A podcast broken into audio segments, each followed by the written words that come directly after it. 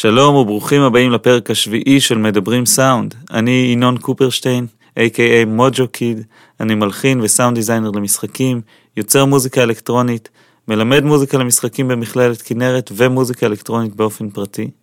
אני חשבתי על זה הרבה בזמן האחרון, שזה מצחיק שבעצם כל מה שאנחנו מדברים עליו פה בפודקאסט, כל החפירות והשיחות הארוכות, הכל סובב סביב סאונד, שזה בעצם תנודות קדימה ואחורה של אוויר. זה, בזה מדובר, זה כל העניין.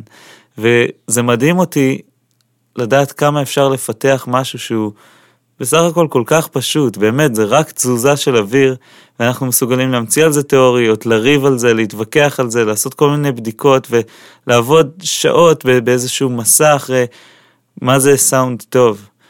ובאמת, אני, אני בזמן האחרון מתחיל לחשוב, עקב כל השיחות שלי עם כל כך הרבה אנשים, וכל אחד מביא איזה זווית אחרת ואיזה נרטיב אחר, ולא באמת ברור אם בכלל יש דבר כזה, סאונד טוב. מה זה סאונד טוב? אולי הסאונד הלא טוב הוא בעצם משהו שאנחנו יוצרים ממנו סאונד טוב. מה שאנחנו אוהבים זה דווקא זה שזה לא הכי קליר בעולם, אבל uh, בהחלט דרך כל השיחות האלה אני, אני מנסה כמה שיותר להגיע ללב העניין ולמצוא האם זה קיים, סאונד טוב. עוד דבר קטן שרציתי להעלות זה ששאלו אותי למה אין ייצוג נשי בפודקאסט, אז התשובה היא, לא נעים להודות, שלחתי כמה הודעות לבנות שמתעסקות בסאונד, ועד היום לא קיבלתי אף תשובה. אה, אני חושב שבקרב הגברים אחוז ההיענות היה עד עכשיו מאוד קרוב ל-100%, גם אנשים שהיו מאוד עסוקים שמחו להשתתף, וגם מי שלא יכל ענה לי או קבע, איתי לזמן מאוחר יותר. בקרב אנשים עדיין לא קיבלתי תשובה אחת אפילו, אז אם את מקשיבה כרגע ויש לך מה להגיד בנושא סאונד, מוזיקה והפקה, את מתעסקת בעניין הזה ובא לך לשבת לשתות משהו, לקשקש על סאונד, אנא ממך השמיעי קול, אפילו על מנת להציל את, ה... את ריישיו ההיענות הנמוך בקרב הבנות. אוקיי, אז היום נסעתי לבקר את תמיר מוסקת, שנתן זווית הסתכלות מאוד מעניינת למסע שלנו. תמיר גדל בפתח תקווה, מתופף, מפיק, בעל אולפן מגיל 12, היה מתופף באיזבו, הקים את בלקן ביטבוקס, הפיק את הבילויים, אפרת גוש, אה, אלייב פמילי, אסף אבידן, תומר יוסף, חווה אלברשטיין, שלומי שבן, מרינה מקסימיליאן והרשימה נמשכת. ב-2016 הוא השיק את הלייבל Ape Records ואנחנו הולכים קצת לדבר גם על זה. אני חושב שאחד הדברים שהכי הגניבו אותי במפגש הזה, מעבר לזה שתמיר פשוט בן אדם סופר נחמד והיה מאוד כיף לשבת ולדבר איתו, אבל אחד הדברים המדהימים זה לראות מישהו עם כזה ביטחון לגבי הסאונד שלו ועם אמונה כזאת לגבי הדרך שלו ואורך רוח כלשהו שלדעתי מאוד מאפיין גם את צורת ההפקה שלו. ודוגמה אחת לזה זה שנניח הוא יתעקש שיהיה לו אור באולפן ולא אכפת לו אם טוענים שחלונות זה לא טוב לסאונד או זה, זה לא מעניין אותו, הוא רוצה אור והסאונד, הסאונד זה עליי, אני אסדר את הסאונד, עליו כמובן. ו... אני מאוד אוהב את הגישה הזאת, אני, הלוואי שיכלתי לאמץ אותה, אני חושב שאיזשהו ביטחון לגבי הדרך שלך ומה שאתה עושה זה דבר מאוד מאוד חשוב. תמיר רצה לשתות קורונה בצהריים, שזאת בירה שאני מאוד אוהב, ולא אכפת לי שחברים שלי לפעמים צוחקים עליה על זה. היא מזכירה לי את מקסיקו, היא קלילה, אפשר לשתות מלא ממנה. אני ממליץ על ליים, אבל אם אין אז גם לימון עובד כמובן. הנה השיחה המרתקת שלנו, תמיר מוסקת. תהנו. לא נכנס פה לפיק בשום שלב, אה, נראה לי שבסדר, לא? אוקיי. תשמע, אנחנו פה עם... יש פה הגנה. אנחנו מוגנים, מערכת ההגנה שלנו. אז לחיים, קודם כל, אין כמו קורונה בצהריים. יס, yes, אנחנו שותים uh, קורונות עם לימון. אין, זאת לא העונה של הליימים, אז אנחנו לא לגמרי במקסיקו עדיין, אבל uh, בלב, בלב אנחנו שם. כן. מה העניינים, תמיר? טוב, תודה. Thanks for having me. Thanks, thank you for having me. ממש כיף להיות פה. החדר הזה פשוט uh, מושלם. וקצת דיברנו על זה לפני שהתחלנו להקליט, שגם יש פה אחלה סאונד, כאילו מרגיש שאני לא צריך להתאמץ לדבר, שזה תמיד כיף. ויש פה אור. והתחלת לספר לי על זה את הסיפור, איך הגיע לפה האור, שזה כיף. אמ, האור הגיע לפה איתי. אני כבר לא הולך, לא בונה לעצמי אולפנים בלי אור. יום, בלי איזשהו מגע עם העולם החיצון, כי גם אני עובד בשעות כאלה שזה ככה, נגיד אם הייתי עובד לילות אז אולי פחות היה אכפת לי. אבל uh, יש משהו ב, בלהרגיש את היום עובר בחלון, הנה אנחנו מדברים והשמש פתאום יורדת לה ועולה וקורים דברים בחוץ, שאני אוהב שהם נכנסים לפה והם מושפעים, עובד עם חלונות פתוחים גם פה בלי בעיה, רוב היום. מיקרופונים פתוחים והכל, שום בעיה. ומבחינת סאונד, אין, אין בעיה עם זה? דיפיין בעיה. ליקג' ממשאיות, נפלא. ציפורים מצייצות לתוך המיקרופונים, עוד יותר נפלא. איזושהי, אתה יודע, פלטה שנפלה מהגג, אם זה נפל ב time, מעולה עוד יותר. תכלס, בוא נגיד ש-99% מהדברים יוצאים נפלאים, ויש אחוז מסוים שלפעמים... אה, את המניאק שצופר ברקע. כן, ואז אוקיי, אז עוצרים שנייה, עושים, אתה יודע. גדול. אמ, אז אה, האמת, אני ראיתי פה בפינה את ה bass drum, שסיפרת לי שהוא של פרמייר משנת 55, אמרת? 56? כן, מתחילים פרונטק, אה? יאללה. כן, זה סט, זה מצחיק. לפני שעזבתי את הארץ הייתי בן איזה 18, ופתאום הבנתי שיש דבר כזה שקוראים לו vintage sets, והדבר היחיד שמצאתי היה איזה מישהו שמכר פרמייר, שאם הוא מקשיב לנו עכשיו, אני מחפש אותו. כי הוא מכר לי חצאי מידות. זה היה סט שבעצם פרמייר עשו בשביל שלא יוכלו להתחרות בהם אה, עם העורות, והם שהם יוכלו לייצר לעצמם את העורות, נדמה לי, או משהו כזה. יצא שם, אה, רוב התופים חצאי מידות. מי שמבין בזה, אז ה tom-tom יהיה 12 וחצי, ואז יהיה 16 וחצי, והדבר היחיד שהיה, שנשאר במידה עגולה, היה ה bass drum. וזה הדבר היחיד שגם נשאר לי, כי לא יכולתי למצוא לזה עורות, זה שנים. אחרי זה עברתי לניו יורק ונהיה לי סט אוסף מפואר של vintage set, אבל משום מה כשחזרתי ארצה, to make a long story short, וזה 15 שנה in between, אמ, הוצאתי מהמחסן של ההורים שלי את הפרמייר ההיא, ושיפצתי אותה, ומאז זה הקיק היחיד שאני משתמש בו, כל התקליטים שאני וואו. עושה, לא, לא מחליף, כאילו, פשוט איזה הוא, כיף. הוא יודע לעשות הכל. כל מה שצריך הוא עושה. אני גם האמת, יש לי קצת בעיה עם העניין הזה של המידות. אה, יש לי, יש לי סונור ג'אנגל, אז הקיק שלי הוא 16 אינץ'. להשיג את, הזה של, את האור של הקדימה זה עוד בסדר, להשיג את האור של האחורה, עד כמה שאני בדקתי זה בלתי אפשרי בארץ. אה, אני מנסה לשכנע כל מיני חבר'ה. או שתנסה בלי אור בכלל. חשבתי על זה. אה, טוב, צריך, צריך לי לעשות כל מיני ניסיונות. אז אתה התחלת בעצם מתופים? כן. מאיזה גיל תופפת? Uh, התחלתי מעוד כמה כלים, אבל זה ממש לא נחשב, כי גדלתי בעצם בקונסרבטוריון למוזיקה, שהיה של אבא שלי. אה, הוריי ניהלו אותו, וזה היה העסק המשפחתי. איפה שם, זה? זה היה בפתח תקווה, mm-hmm. ושם גדלתי גם, וביליתי שם ממש, אתה יודע, מהגן הייתי הולך לקונסרבטוריון, ורץ בין החדרים הפנויים, אז היו עוד ימים שכל חדר היה מיועד לכלי. Mm-hmm. זה היה פסנתר, וקסילופון, וסט-טופים, וגיטרות, והורנס, אתה יודע, הכל היה בפנים. הייתי עובר, אבל בהתחלה התחלתי כינור, פסנתר קצת, אחרי זה תופים. אה, בגיל שש או שבע, ומאז בעצם אה, בעקבות איזשהו, איזושהי נזיפה של הוריי, שאני לא יכול להמשיך לקפוץ בין החדרים ולבקש כל פעם כלים חדשים ומורים חדשים, אלא אני צריך להתחייב לאיזה משהו, אז אה, אם כך גם נתקעתי, כך גם נתקעתי בתופים בעצם. אתה מסכים עם הנזיפה הזאת? אתה חושב שזה היה במקום? כן, בהחלט, זה היה כזה קומית, מה שנקרא. שזה היום, זה בטח אחד השיעורים היותר גדולים שקיבלתי מהוריי, והיום זה אחד בטח ה... אני חושב שאחד הפורטאים שלי בתוך העבודה, גם הקומיטמנט, או אם זה לפרויקט שאני בתוכו, אם זה לחדר כשאני נמצא עם אנשים, ואם זה לרעיון.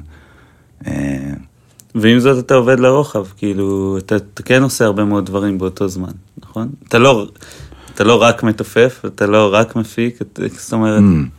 במובן הזה מצחיק, אני חשבתי שכל זה אחד, קוראים לזה מוזיקה בעיניי. פשוט אה, לאט לאט אספתי כל מיני כלים, חלק, חלק בגלל שהיה צורך, זאת אומרת, לא היה, לא, לא, לא הייתה לי מספיק אה, שפה או קומוניקציה עם טכנאים נגיד, כשהטחלתי לנגן ולהיכנס לאולפנים כנגן, אז אה, התחלתי לעשות בעצמי בעצם, סאונד, זאת אומרת, קנית four-track וזה, the whole shebang. מ four-track, עוד לא היה אז מחשבים וזה, אז four-track ל-8-track, ל-16 track, ל-ADATS אחרי זה שנכנסו. באיזה, ל... על איזה גיל מדובר עם ה four-track למשל? את הסטודיו הראשון שלי פתחתי בגיל 12. פאק. כן.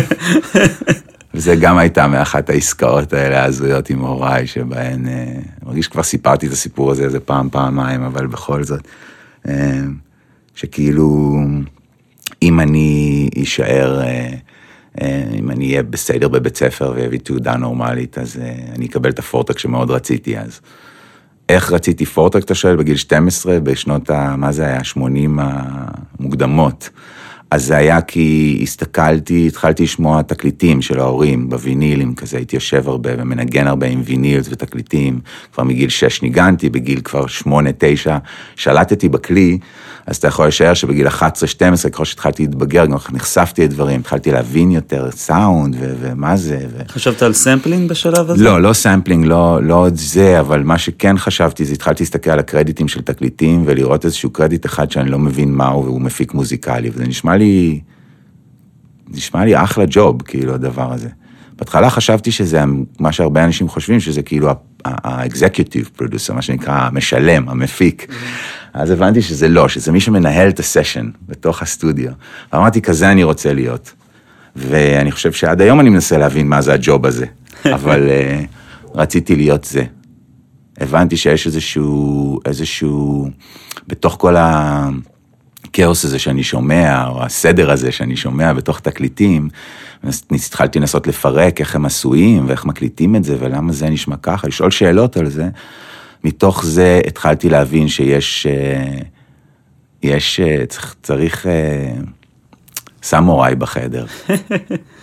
בשביל שדברים יקרו טוב, וזה לא חייב להיות מישהו חיצוני, הרבה פעמים זה, אתה יודע, יש אומנים שהם מפיקים מדהימים, אבל הרעיון הזה התחיל לקרוץ לי, ואז קראתי לעצמי בעצם להתקדם לכיוון הדבר הזה.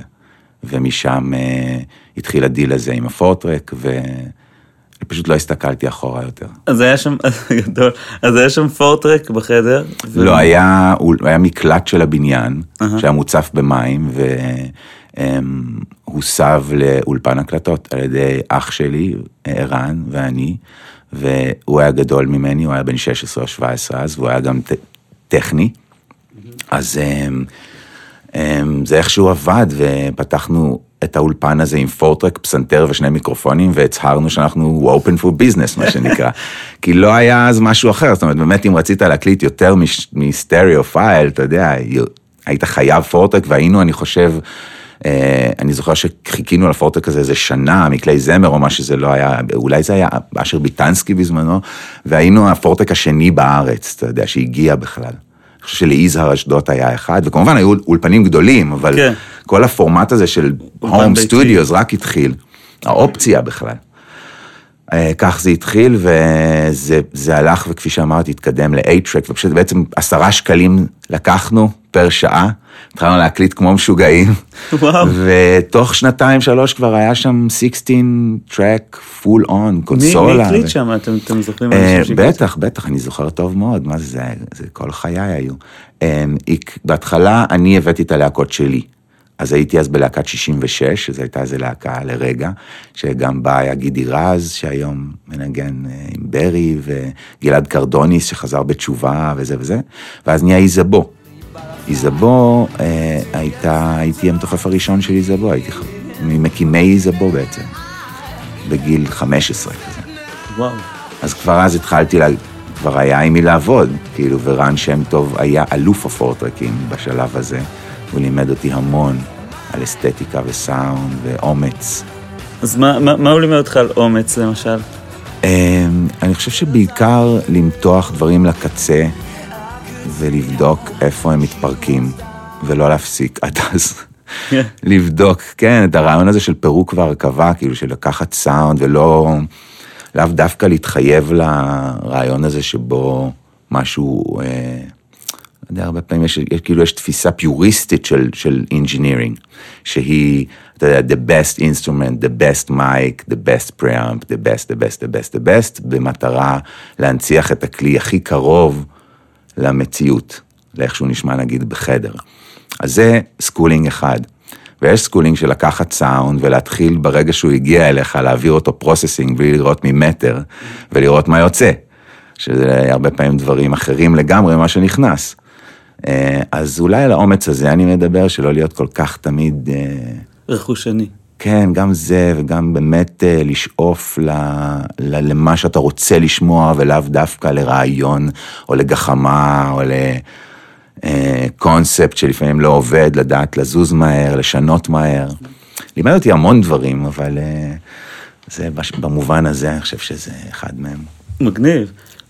אז באותו זמן אתה אה, מתופף, ויש לך את הסטודיו הזה, ואתה מנגן על עוד כלים, אני משער, תוך כדי. אה, בקטנה. אני מתחיל בעיקר, התחלתי להתעסק קצת עם sampling ולהבין שיש כזה דבר, והאמצעים היו דלים, היינו מסמפלים כזה על מה שבא, ו... ובעיקר פשוט נתתי איזה עשרת אלפים שעות שם.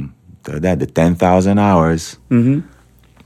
שכאילו, יש איזה תפיסה כזו שאני מאוד אה, בעדה, שבגדול, בעשרת אלפים שעות you can become the master of your craft, אם אתה משקיע הרבה ונותן את ה... אז כאילו, בלי לשים לב, עשיתי את זה שם, באולפן הזה, על כל מיני להקות, והקלטתי הרבה דף מטאל, והתמודדתי עם כל מיני ווליומים וסיגנלים שהיה צריך לדעת, לעקוף אותם. אז כאילו קיבלתי את הצ'ופס שלי, מה שנקרא, בהמון המון שעות של התמודדויות, גם באולפן קטן ומעט ספריישן, אתה יודע, גרילה, מאוד. כן. במרתף כזה, the basement. אתה זוכר כמה שיעורים מאז שלמדת בעשרת אלפים שעות האלה שלקחת איתך? Um, תראה, זה, לא יודע אם זה עובד אצלי ככה, כי כל הזמן אני מרגיש שאני בלמידה, אני אף פעם לא מרגיש שהייתה תקופה שבה קרה דבר וזהו. זה תמיד, uh, אתה יודע, אני יכול לספר לך יותר, יותר בקלות על איזה למידה שהייתה לי שלשום, מאשר על כזו שהייתה לפני 20 שנה, אבל אין ספק שזה פשוט... Uh, אני חושב שהדבר העיקרי הוא הניסיון העצום שצברתי בלהתמודד עם כל מיני סיטואציות בסטודיו, ולעבור אותן. אנושיות או... אנושיות, טכניות, אה, אתה יודע, יכולות, פתאום אתה קולט שאתה עם, עם להקה ואתה יודע מה צריך להיות ואתה לא מסוגל להביא את זה עוד. אז כל הדחיפות האלה שכל הזמן מקדמות אותך קדימה, אה, התמודדתי איתם בגיל צעיר, בלי הרבה לחץ, בגלל ש... זאת אומרת, היה לחץ, אני חושב, אבל הייתי ילד, וכשאתה ילד, אתה לוקח דברים בקלות יותר, ולא היה אז שום, בטח שלא הייתי בתעשיית המוזיקה, אתה יודע, הייתי בפתח תקווה, והקליטו אצלי להקות הזויות, ועשינו מוזיקה מוזרה, ולא עניין אותי בדיוק אה, מה, אתה יודע, הרדיו היום יגיד על זה, או העיתון יכתוב על זה, או אלוהים יודע מה. זה היה מאוד uh, נקי במובן הזה, ואני יכול להגיד לך שבגדול, השיעור הכי גדול מהתקופה היא, היא באמת החוסר פחד להעיז ללכת לאן שאני, בא לי ללכת ולנתק את כל הרעש הזה מסביב. אז הוא פשוט לא היה. אז לא הייתי צריך לטרוח בכלל מלחשוב על להזיז אותו. אבל השריר שהתפתח בתקופה הזו, בגלל שהוא לא היה באזור, והאפשרות הזו לעבוד עם אנשים שבאמת הם committed, לא ירד, לא יצא ממני עד היום. זאת אומרת, השריר הזה הוא מאוד מפותח אצלי של... אה, אתה מצליח באמת ליישם את זה היום? כאילו, אני משער שיש עליך לחץ מכל מיני כיוונים, מאנשים שאתה עובד איתם ומאולי בעיקר מעצמך, אני לא יודע, אני לא... אני לא מספיק מכיר אותך בתור בן אדם, אני יודע שאני, אם הייתי במקומך, זה היה מלחיץ אותי איפשהו. אה, אז, אז כאילו אני משער שאתה מתכוון למה שאנשים קוראים הצלחה, אני יודע, אלא כאילו זה שאולי מה שאני עושה פתאום... מקבל הרבה תשומת לב, ואז יש סיכוי שמה, שיגידו שזה רע, או שזה... או שאתה או תחשוב שזה רע, שזה הכי גרוע. אבל כאילו... מה ההבדל אם אנחנו עושים אותו, כאילו, זה באמת בעיני העולם, בעיני החיצון, זה לא בעינינו. כאילו, כמוני יש עוד אנשים שעובדים קשה, אתה יודע, ואולי פחות מפורסמים, או פחות, העבודות שלהם פחות מוכרות, אז... אז אתה, אתה מתכוון, אני שואל בעצם, אם אתה מתכוון לדבר הזה, למודעות, לתשומת הלב מבחוץ, אז... גם, גם אני כל פעם שמשהו הולך לי טוב, אולי זה, זה האשכנזיות שטבעו בי, אבל הדבר הבא שאני חושב עליו זה you're gonna fuck it up. אז okay. אוקיי. כאילו, זאת המחשבה הבאה. אני מתמודד עם זה, אני מנסה לשנות את זה ואני מנסה להיות מודע לזה, אבל uh, זה בהחלט קול שתמיד יש לי בראש. אוקיי, okay, אני מבין מה אתה אומר. אז זהו, תהיתי באיזה, באיזה מובן אתה מתכוון. אז... אה, כי יש לזה כמה חלקים, אתה יודע, יש לזה גם את זה בינך לבין עצמך, הציפיות, וגם בטח של להתחיל לשבת עם אומנים ככל שהם יותר טובים, אה, מוכרים, עם קריירות ענפות, אז כך גם מגיע עם זה, אתה יודע, צוותים ודאגות ומנג'רים ודעות וכולי וכולי וכולי. אמ, אז גם זה איזשהו רובד בתוך הדבר, ובטח שביני לבין עצמי זה איזשהו תהליך שבאמת אני מרגיש שוב, אני לא יודע ממש איך אחרת להסתכל על זה, חוץ מזה ש...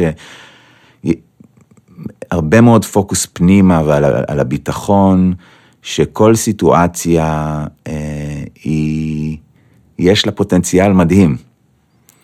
וככל שאספתי כלים בדרך, גם אלה שדיברנו עליהם, הטכניים, אני יכול לתת דוגמאות אם תרצה, וגם הבין אישיים, ככל שעברתי יותר סאגות כאלו או אחרות, פתרון של בעיות אה, כאלו או אחרות, אז הבנו, כמו בחיים, שאפשר לעבור, עוברים, אתה יודע, מתמודדים ועוברים הלאה. אז כך גם אני נכנס לסיטואציה עם ביטחון באמת באמת גדול, אה, אחרי כמובן קודם כל בחירה עם מי אני עובד. בוא לא נשכח את התנאי המאוד בסיסי הזה, כי ברגע שאתה מכניס את עצמך לסיטואציות שאתה לא רוצה להיות בהן, יש סיכוי מאוד גדול אה, שגם יתפתחו שם דברים שאתה לא רוצה להיות בהן. אם אתה תכניס את עצמך, תדאג אה, להיות כל הזמן בסיטואציות בהן, לפחות מבחינת הבן אנוש שאנחנו מדברים עכשיו, והווייב בחדר והאנרגיה, היא יכולה להיות אינטנסיבית, אבל אינטנסיבית פוזיטיבית, כן? פרודקטיבית, פוזיטיבית, כל מיני דברים שהם עם, עם תנועה, אז אה, כך פחות, אתה יודע, כך תהיה במקום הנכון יותר, תהיה מדויק יותר, כן. דעותיך ייחשבו יותר ויורגשו יותר ויתאימו יותר וכולי וכולי, אז אני חושב שזה אחד הדברים שאולי ככה על הדרך שאנחנו בדרך כלל איזו שאלה מפותלת מאוד. שם עליהם תשומת לב, כי אני, לא הרבה אנשים שמים לב לדבר הזה. לדאוג להיות בסיטואציות בהם הם פורחים ולא נובלים. אז אה, בואו נצא מנקודת הנחה שהסיטואציה היא כזו, זאת אומרת, בא אומן, פנה אליי, פנ...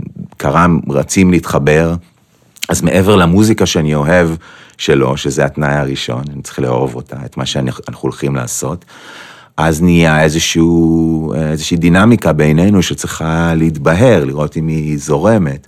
ואני חושב שמניסיון אני כבר מזהה את זה מהר, אני משער שגם אומנים מנוסים מזהים את זה מהר בי, אה, אם הם כבר אמרו כן, אם הם מעוניינים. אז אה, לרוב, אה, בוא נגיד סטטיסטית, כשהיה, כשהייתה תחושה שזה יכול לעבוד, זה גם עבד. ככל שקורים יותר דברים כאלה, אתה, לשאלתך, לקבל יותר ביטחון שזה יזוז לאן שזה צריך לזוז, ואם זה יזוז ימינה או שמאלה זה גם בסדר, ולתת לזה לקרות בעצם. אמ, יכול להיות שזה נשמע אבסטרקט. לא, זה לא, אם אני, אם אני יכול אה, לסכם את מה שאני, שאני הבנתי מה, מהתשובה הזאת, זה שילוב של, אה, אחד, לוודא שיש חיבור טוב בינך לבין אה, מי שאתה עובד איתו, ושתיים, לדעת שאתה עשית את ה... את מה שאתה יכול לעשות, הבאת את מי שאתה בצורה, בצורה כנה, ואתה עומד מאחורי זה במאה אחוז, ואם הדברים, וגם אם הדברים כאילו השתבשו במרכאות, אז מה אפשר לעשות? כאילו, אז עברת את זה, ואתה יודע איך להתמודד עם זה, ואתה לא מפחד מזה. כן, אבל דברים לא משתבשים יותר מדי. אתה יודע, דברים לא הולכים, בוא נגיד, בדיוק כמו שציפית. לא, זה לא נקרא להשתבש. זה, אני, אתה יודע, לי יש רעיון שאני נכנס לעשות תקליט אולי, של איך הוא יכול להישמע, איפה אני, אני גם מציג את זה לרוב בפני האומן, או שיר, בוא נגיד, לא, לא משנה. ואז מדסקסים את זה ומסכימים, כאילו, על הכיוון לפני שנכנסים אליו. השיבושים בדרך הם uh, הרבה פעמים באמת מלחמות על בדיוק איך. הרעיונות שלי הם מאוד... Uh, אווירתיים, אה, אמוציונליים, אה, אז הם נכנסים גם לדבר עצמו, אבל אה, אני אגיד לך למה זה לא משתבש. אחת הסיבות, אני חושב שזה משתבש מעט מאוד, היא כי כשאתה, כשיש לך רעיון מסוים ואתה רוצה להעביר אותו, וזה המקרה אצלי הרבה פעמים בהפקות שבע, יש לי רעיונות, הם לא דווקא קורים בפני עצמם תוך כדי תהליך עבודה, הם מגיעים, איזשהו קונספט כבר מאוד ברור מגיע מראש. ואז אני תוהה איך תלך הדרך ביחד עם האומן לכיוון הזה, ועם כל הזמן איך זה, שם דברים יכולים אולי להשתבש, אבל בשביל, אבל בשביל לדייק את הקונספט הזה של איש בראש, אני בעצם רואה דברים שהם אווירתיים מאוד, כפי שאמרתי, אסתטית מאוד ברורים, ואז יש כל מיני דרכים להגיע לדבר הזה. זאת אומרת, אם אני מרגיש שתקליט מסוים צריך להיות לו ניחוח אפל ועצוב, נגיד, אוקיי? אז יש המון דרכים איך לעשות את זה. וככל שעברו השנים, אני חושב שהצלחתי לאסוף כל מיני דרכים לעשות, כל מיני דברים. ולאו דווקא דרך אחת לעשות דברים. ואז אם אני רוצה איזשהו, איזושהי אמוציה כזו, אז יש לי כל מיני דרכים טכניות ו, או, או, או פלטות להעביר את התחושה הזאת. זאת אומרת, לצורך העניין, תכננתי שזה יהיה משהו מאוד ריתמי ו, ופרקסיבי, מתופים, אני מנסה להיות כמה שיותר אה, ברור עם זה, ואז פתאום האומן נגיד פחות מרגיש את זה, או קרה איזה דבר, אז בעיניי כנראה מה שהיה חשוב זה איזושהי פרקסיביות. עכשיו, זה לא אכפת לי אם היא תבוא בצבע ורוד או בצבע כחול בהיר, אתה מבין מה אני אומר? כן, כן. אז לא תופים, אז נביא את זה אחר כך מאיזה פריטת גיטרה נכונה, שתביא לי את הפרקסיביות, זאת אומרת, יש כל מיני דרכים להגיע לפרקסיביות שחשבתי, סתם כדוגמה, שהיא קריטית לשיר. כן, בלי, ועדיין לשמר את מה שהאומן אה, מגונן עליו. שום בעיה. כן. I never fight for anything. כן. כי... יכול להיות שאתה תגיד לאומן, אה, מה דעתך לשנות את האקורד הזה פה, מה, כאילו, אתה נכנס למקומות האלה? כן, הרבה יותר מזה, גם מילים וגם אה, כתיבה וגם מלודיה. ואין עניינים של אגו, אומן לא יכול להגיד. לך, תשמע, זה השיר, ככה השיר, זה מה שזה. תראה, אה, לפעמים, אם זה, זה תלוי, אם זה בא מאגו, אז זה בעייתי. אני חושב שאומן שחושב שכתב את, את שיר בזמן מסוים בצורה מושלמת, יש מצב שיהיה לו בעיה לעבוד איתי. אם הוא צודק, והוא כתב אותו בצורה מושלמת, אה, אז הוא צודק. אבל לרוב זה דורש אה, שאלות. יש שירים שמגיעים ופשוט, הם, הם פשוט מוש, כתובים מושלם. ויש שירים שדורשים אה, כל מיני חיפוש תוך כדי עשייה, או מתגלים, מתחיל, אתה מתחיל להעיר דברים מסוימים, ואז דברים אחרים נהיים בחשיכה, ופתאום אתה מעלה רמה של איזשהו משהו, אתה יודע, אתה מעלה את הפזמון, פתאום נהיה, אתה יודע, פשוט מדהים ביופיו ובדיוק שלו, אז הבתים אולי פתאום כתובים לא מספיק טוב. לפעמים דווקא הזרקורים היפים האלה מאירים את הבעיות שבתוך השירים. דברים שקורים תוך כדי לפעמים עשייה, אני הרבה פעמים מזהה אותם גם לפני, ומאיר מאיר עליהם ובודק אופציות. ו- יש לך איזה דוגמה למשהו כזה? וואו, מלא. כן? בטח. אני אספר לך למשל שהתעוררות של חווה אלברשטיין התארחה, שחווה אלברשטיין התארחה בתקליט של שלומי שבן. זה שיר אה, קסום בעיניי, שהופק על ידי אסף תלמודי ועל ידי, זאת אומרת, היינו שני מפיקים בחדר, ועם הקולקטיב, ובתקליט של שלומי שבן. השיר אה, התחיל בצורה מסוימת, הוקלט עם הקולקטיב אחרי חזרות והכל בצורה הזו, והפך להיות מן הכבשה השחורה הזו של, של תקליט. יש תמיד בכל תקליט איזה שיר שקשה לפצח אותו בסוף. קורה לו משהו, מתחילים להסתבך איתו. אה, אז הוא נהיה זה, ובעיקר זה קורה הרבה פעמים בגלל בעיות בכתיבה. אה, אז אמ, חיפשנו וחיפשנו מה קורה עם זה, עד שהגענו לזה שבעצם אולי הפזמון לא כתוב מספיק טוב, וכל מיני שאלות כבר כאלה מסובכות. ואחרי איזשהו חיפוש, אה, ממש ייאוש כזה פה של, אה, שמין כזה אומרים, טוב, אני אקח איזה ברייק, נשארתי פה קצת עם, עם הפזמון הזה, והוצאתי לו את המנגינה, את השירה, במיעוט. והתחלתי בלופ לחפש מה עוד היה יכול לקרות שם. מבחינת הרמוניה, ברקע? מבחינה מלודית, מבחינה והרמונית אולי. דרך בכלל חיפושים של וינילים וכל מיני דברים כאלה. וחיפשנו, חיפש, פשוט התחלתי להתעסק עם וינילים על זה, ופתאום נוצרה איזו מנגינה חדשה לגמרי. לא אלאה בכל התהליך, אבל אחרי כמה שעות מצאנו את החבר'ה חזרו לחדר, שמעו את הדבר הזה, נכתב פזמון חדש לגמרי. שבעצם הוביל לזה, לרעיון של דואט, שבעצם הוביל לזה שאני יכולתי לקשר עם חווה, כי עשיתי את התקליט בדיוק לפני זה, ולקבל בכלל את אה, ברכתה, לקבל את השיר ולבדוק את האופציה וכולי. והיא אהבה את זה מאוד, ובאה והקליטה פה, ו... וכך נהיה השיר הזה. וואו. זה לא תוכנן להיות דואט, זה לא... כשאתה אומר התעסקת עם. וינילים פה בינתיים, למה מה אתה מתכוון? סתם שמעת תקליטים? או... לא, אני מתכוון לזה שהרבה פעמים בשביל... אה, אה, אני עושה את זה גם כיצירת, כ- כ- כאופציה לייצר מוזיקה, זה פשוט לשים איזשהו ביט או איזשהו, לצורך העניין פה לופ של פזמון, ולנגן עליו כל מיני וינילים, בהף ספיד, ברוורס, במה שלא יהיה, ולראות מה קורה. עם הפיץ', לחפש כל מיני דברים, להתחיל לחפש כל מיני רגעים מיוחדים בתוך הדבר הקיים. וואו. ואז נוצ... נולד, נולדים פשוט עולמות חדשים לגמרי ולא צפויים. איזה מגניב. אז, אז, אז בעצם ניגנת איזשהו תקליט, אתה, אתה לא זוכר איזה, נכון? אני זוכר, אבל אני לא יכול להגיד. אוקיי, בסדר, fair enough. אבל אה, ניגנת איזשהו תקליט, אבל שנתן לך בעצם השראה לדבר הזה, זאת אומרת... כן, אה, לגמרי זרק אותנו למנגינה חדשה ולאווירה חדשה בפזמון, גם לשינוי הרמוני. אה, ולרעיון שזה הופך להיות דואט, בגלל פתאום הרוח שהסימפול הזה הביא, והתחושה הזו שזה פתאום זורק בכלל לזה, אז תלמודי בא עם הרעיון של דואט, ואז בכלל חווה, אתה יודע, מין צ'יין או שרשרת אירועים כאלה שקר, שקרתה בגלל רגע של ייאוש ושל בעצם, שבו אתה אומר, מה עוד יכול לקרות פה, ו... וואו. אתה פשוט למתוח, אתה יודע, למתוח דולר פוט, דולר פוט, למתוח את הגבול עד שמשהו קורה.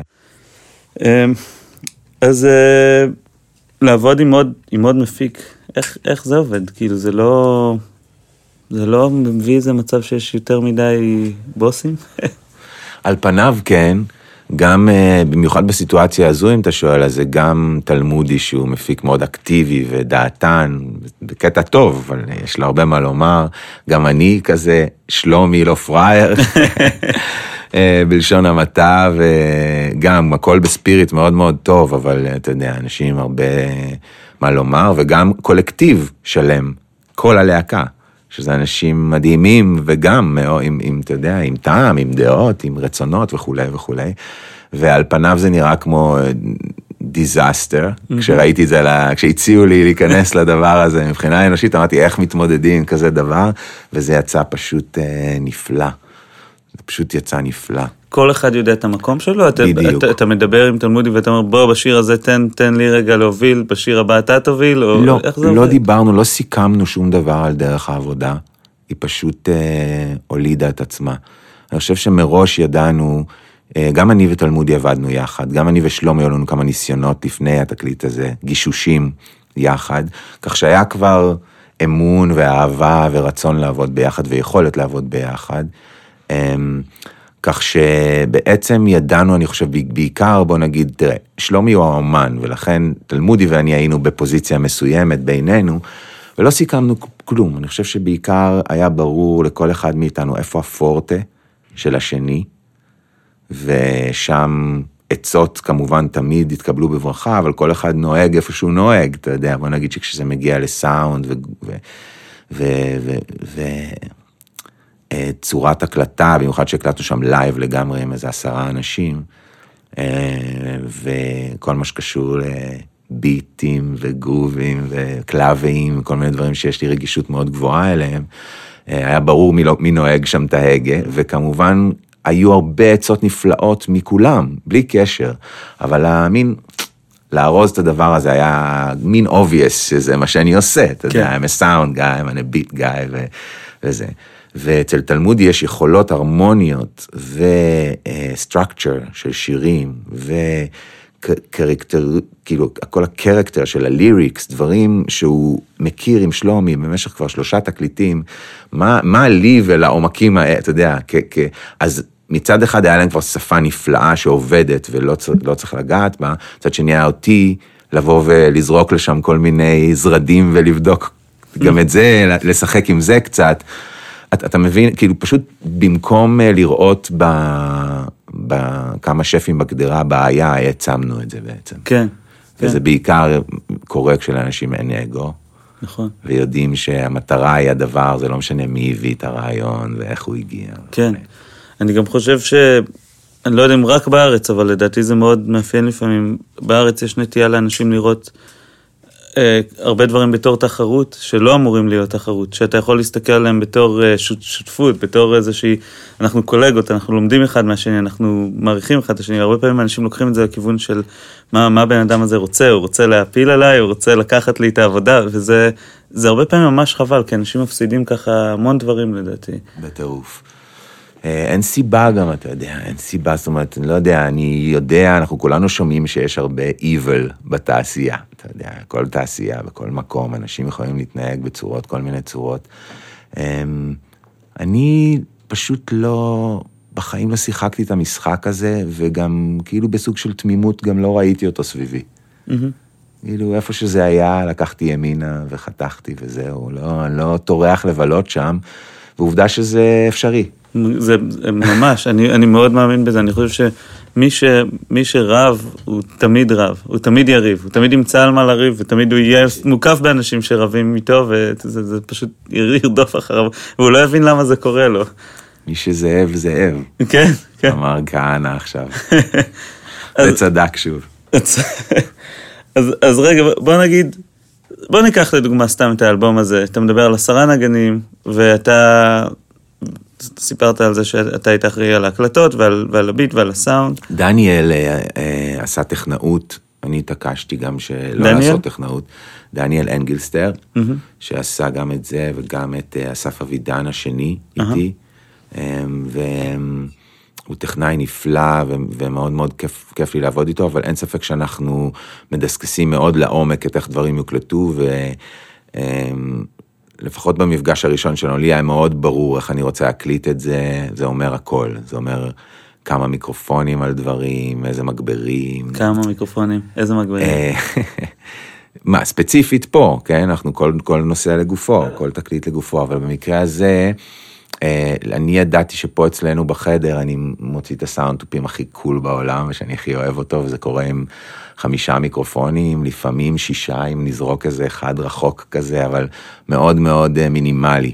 איזה? בהקלטה זה, זה SM7 על ה kick, ו-414 הווינטג' הזה שאתה עליו, וואו, מדהים. ומעל התופים, ו ribbon mics של קויל, שיושב גם זה מעל התופים. 4038? כן, וואי, מדהים, יש לי אותו. מדהים.